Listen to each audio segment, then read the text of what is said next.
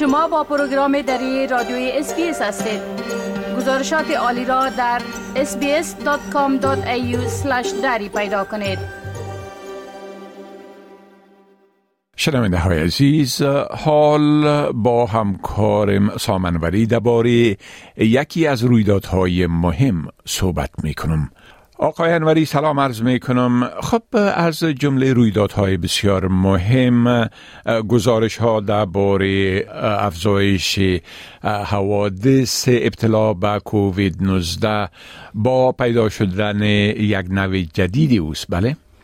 با سلام به شما و شنوندگان عزیز. بله با گذشت نزدیک به چهار سال از آغاز همگیری کووید 19 گونه فرعی جدیدی از این ویروس که به نام JN1 یاد میشه باعث افزایش موارد ابتلا به کرونا در سراسر جهان و همچنین بخشهای از استرالیا شده. این گونه فرعی که در ماه دسامبر سال گذشته از سوی سازمان جهانی صحت به عنوان یکی از گونه های جدی طبقه بندی شد اکنون مسئول 64 درصد از موارد ابتلا به کرونا در آمریکاست. این گونه فرعی از گونه فرعی موسوم به BA 286 گونه اومیکرون پدید آمده.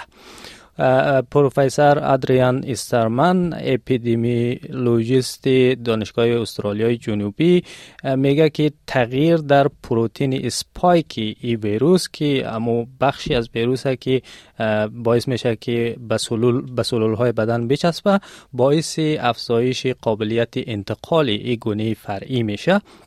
او میگه که این ویژگی جی این یک را قادر می سازه که سیستم ایمنی ما را دور بزنه و بنابراین حتی اگر اخیرا مبتلا به کووید 19 شده باشید یا واکسینه شده باشید این نوع فرعی به آسانی می‌تونه که شما را مبتلا بسازه. بله. خب می‌تونین بگوین که وضعیت از لحاظ افزایش شیوع کووید 19 با پیدا شدن این نوع از او و پخش شدن او از چی قرار است؟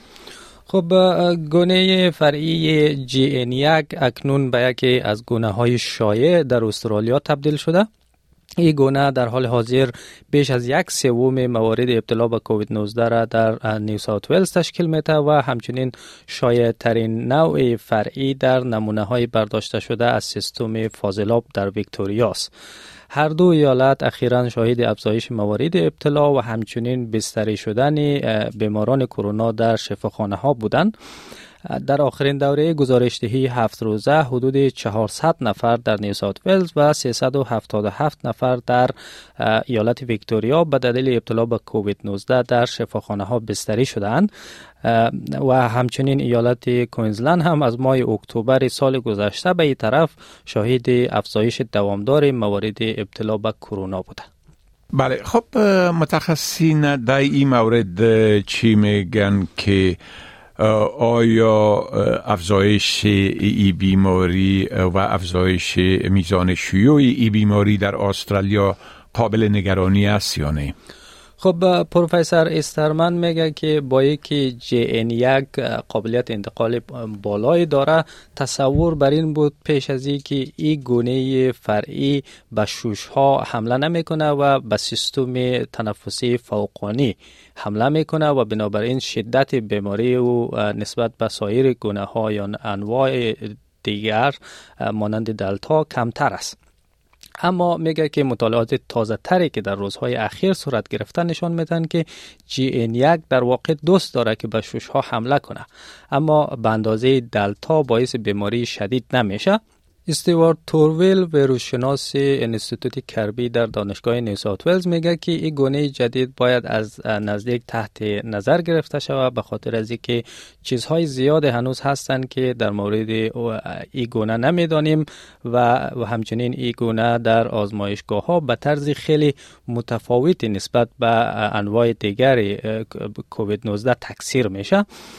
پروفسور استرمن میگه که واکسین های جدیدی که تزریق اونها از ماه دسامبر در استرالیا شروع شد در ایجاد مسئولیت در برابر زیرشاخه های جی این یک و اکس بی بی یک پنج بسیار بهتر از واکسین های قبلی عمل می‌کنند. اما نگرانی کارشناسا از است که تنها 22 درصد از افراد بالای 75 سال در شش ماه گذشته واکسن تقویتی کووید 19 را دریافت کرده و همچنین در گروه سنی 65 تا 74 ساله نیز میزان واکسیناسیون تقویتی تنها 15 درصد است. توصیه اتاگی یا گروه مشاوره فنی استرالیا درباره ایمنسازی برای افراد بالای 65 سال و آنهایی که سیستم ایمنی ضعیف دارند این است که هر شش ماه یک بار واکسین تقویتی بزنند بله خب بسیار تشکر آقای انوری از این معلوماتتان و فعلا شما را به خدا می سپارم و روز خوش برتان آرزو می کنم. تشکر از شما وقت خوش. می خواهید این گونه گزارش ها را بیشتر بشنوید؟ به این گزارشات از طریق اپل پادکاست، گوگل پادکاست، سپاتیفای و یا هر جایی که پادکاستتان را می گیرید گوش دهید.